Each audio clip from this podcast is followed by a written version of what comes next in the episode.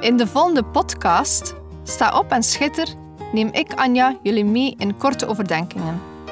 Als christenvrouw, moeder en echtgenote wil ik bemoedigen en aansporen om op te staan en te schitteren. We zijn niet gemaakt om in Gods koninkrijk stil te zitten en niets te doen, maar om op te staan en dienstbaar te zijn. In de eerste plaats zien over God, daarna zien over ons gezin, onze partner of onze geloofsgenoten. En als gevolg zullen we dan ook schitteren in de wereld. Neem je Bijbel bij de hand, want zonder Bijbel zijn we als een kok zonder eten of een zanger zonder stem. Dus luister naar, sta op en schitter. Uitzending 35. Loslaten. We zijn aangekomen bij uitzending 35. Ik heb een paar hectische weken achter mij liggen. Ik heb een kleine ingreep gehad, namelijk een apex-resectiebehandeling, of in de gewone taal gezegd, een wortelpuntoperatie. De kaakchirurg deed zijn werk goed, maar doordat de ontsteking groter was dan verwacht, duurde het herstel langer dan voorzien. Twee weken pijnstillers en slechte nachtrust zorgden ervoor dat mijn werk voor TWR wat bleef liggen. Ook mijn job als verkoopster zorgde die week voor wat stress door een opleiding die ik volgde. Ik had het gevoel dat ik aan het verdrinken was, maar had niet de mogelijkheid om iets op te lossen. Bijbellezen ging ook niet goed, want de vermoeidheid speelde me parten. Op zo'n moment kan ik alleen maar luisteren en aanbidden. Ik heb wat christelijke muziek opgelegd en hoorde het lied van Hillsong. Wie stil, wees stil. Ik zong het mee en de gedachten kwamen bij mij op van geloof ik werkelijk wat ik zing? Vertaald kwam het voor mij hierop neer.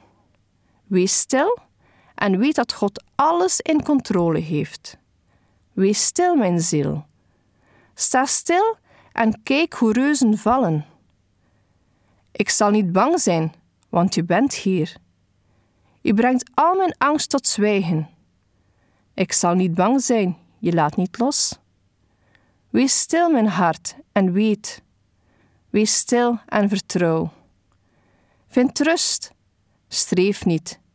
Je brengt al mijn angst tot zwijgen. Een fantastisch lied met een mooie boodschap. Geloof ik dat God in mijn pijn, stress en angst is? Daar kan ik ja op zeggen. Ik geloof dit alles. Maar nu had ik de afgelopen weken Satan laten overwinnen in mijn gedachten. Wanneer dingen moeilijk gaan, hoor je vaak zeggen: je moet het loslaten. Maar hoe doe je dit? God kent onze behoeften beter en eerder. We moeten kiezen om het stuur van ons leven aan God te geven.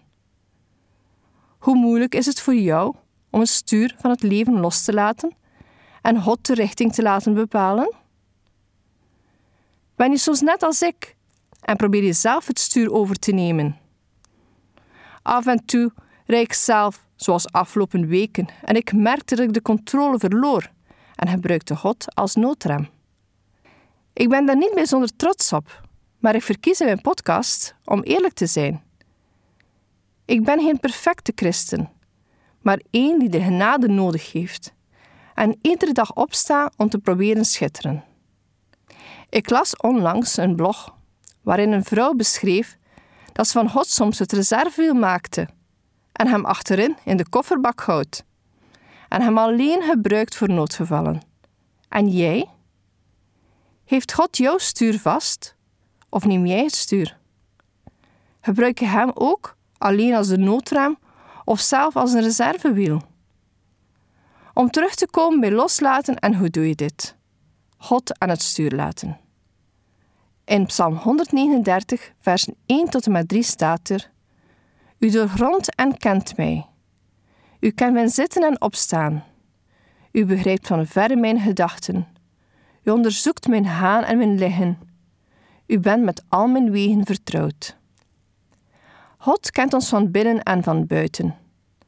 Hij is met al onze wegen bekend. Zozeer zelfs dat hij het aantal haren op ons hoofd kent, volgens Lucas 12, vers 7. Doorheen de hele Bijbel kunnen we lezen hoe mensen bidden en Gods leiding ervaren. hoe God in een leven zorgt voor rust die alle verstand te boven gaat. Die beloften zijn ook voor ons. Ik heb in het verleden al vaak dingen losgelaten en in de handen van God gelegd door gebed. Ik schreef heel vaak de dingen die ik wou loslaten in een boekje. Dit boekje legde ik als het ware aan de voeten van Jezus neer. Als het terug in mij opkwam, dacht ik terug aan het boekje en zei tegen mezelf: Neem het niet terug mee. Het boekje behoort nu toe aan Jezus. Loslaten is eigenlijk moeilijk te beschrijven hoe het werkt, maar door de jaren heen leerde ik het wel. God wil aan het stuur zitten, maar wij moeten het stuur wel afgeven. Ik heb terug een bijpassend verhaaltje voor jullie. Jenny's parelketting is de titel. Jenny was een vrolijk meisje van vijf jaar die graag met haar moeder meeging naar de winkel. Op een dag kwam ze aan de kassa en terwijl ze stonden te wachten, zag Jenny iets moois. Een roze, glinsterend doosje met daarin een witte parelketting. Jenny smeekte: O, alstublieft, mama, maak ze hebben. Alstublieft, mama, alstublieft. Snel controleerde de moeder de achterkant van het doosje en keek toen weer in de smekende blauwe ogen van haar kleine meisje. Deze plastieke parelketting kost 5 euro. Moeder had een idee. Als je echt wilt, bedenk ik wel wat extra klusjes voor je. En binnen de kortste keren heb je genoeg geld gespaard om ze zelf te kopen. Zodra Jenny thuis kwam, maakte ze haar spaarvarken leeg en telde 50 cent. Na het eten deed ze meer dan haar deel van de klusjes. Ze ging naar de buurvrouw en vroeg of ze voor 10 cent haar terras mocht vegen. Ook oma gaf haar 2 euro, zodat ze eindelijk genoeg geld had om de ketting te kopen. Jenny hield van haar parels. Ze kreeg het gevoel volwassen te zijn. Ze droeg ze overal, op de zondagsschool, de kleuterschool, zelfs naar bed. Jenny heeft een heel liefhebbende vader en elke avond vertelt hij een verhaaltje voor hij haar in bed stopt. Op een avond vraagt hij aan Jenny: Hou je van mij? O ja, papa. Je weet dat ik van je hou. Mag ik dan je parels hebben? O papa, niet mijn parels. Je mag mijn lievelingsprinses hebben, of mijn wit paard uit mijn verzameling. Weet je nog, papa? Degene die je me gaf?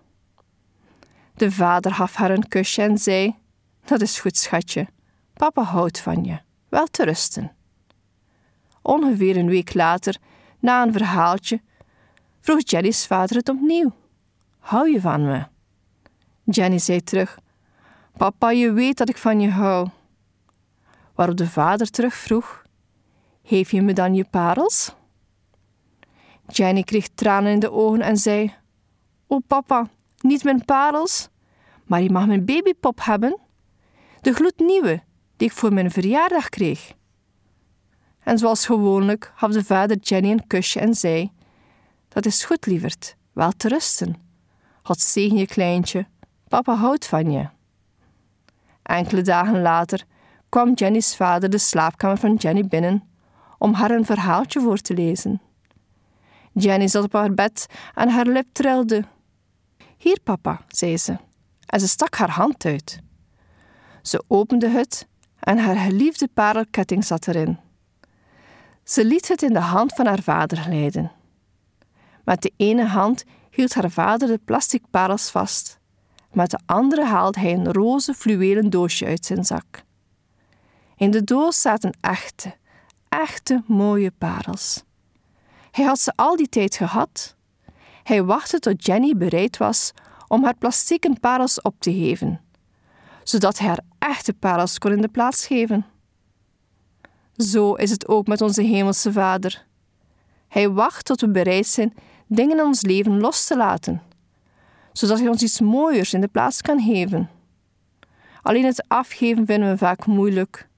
Soms omdat we het liever zelf in controle willen houden, of omdat we niet weten wat we in de plaats gaan krijgen. Loslaten kan over vele aspecten in ons leven gaan. Dat kan gaan over zorgen, angst, kinderen, kleinkinderen, geld, job en dergelijke. Als je zelf geen oplossing vindt, geef het dan af aan God. God weet wat goed is voor jou. Gebed is iets moois, maar moet er wel gebruik van maken. Zou je dingen loslaten als je weet dat je vreugde en rust krijgt in de plaats? Besef dat God het beste met ons voor heeft. Hij kent ons van binnen en van buiten. Hij is met al onze wegen bekend. Laat hem aan het stuur. De Amerikaanse theoloog Reinhold Niebuhr schreef het bed om kalmte in 1943. De wereld was toen onrustig, chaotisch en de mensen leefden in onzekerheid. Ook nu kunnen onzekerheid en angst je bevangen. Het gebed om kalmte moedigt je aan om alles in Gods handen te leggen. Hierbij heb je acceptatie, moed en wijsheid nodig. Gebed om kalmte gaat als volgt. God, schenk mij de kalmte om te aanvaarden wat ik niet kan veranderen. Moed om te veranderen wat ik kan veranderen. En wijsheid om tussen deze twee onderscheid te maken. Om één dag tegelijkertijd te leven. Om van één moment tegelijkertijd te genieten. Om moeilijke tijden te accepteren als het pad naar de vrede. Om deze zondige wereld, net zoals Jezus deed, te aanvaarden zoals Hij is, niet zoals ik zou willen. Om erop te vertrouwen dat U alle dingen zal rechtzetten, als ik aan U wil overgeef, zodat ik in het leven gelukkig genoeg zal zijn en voor altijd volmaakt gelukkig met U in het volgende leven. Amen. Dit gebed werd jarenlang gebruikt bij de anonieme alcoholisten. Loslaten is in veel gevallen zeer moeilijk en ik hoop dat dit gebed je daarbij kan helpen. Loslaten is vrijheid krijgen. Deze podcast kun je steeds opnieuw beluisteren via de website en app van twr.be. Als je deze aflevering leuk vond en je wilt de podcast helpen ondersteunen, deel hem dan met anderen.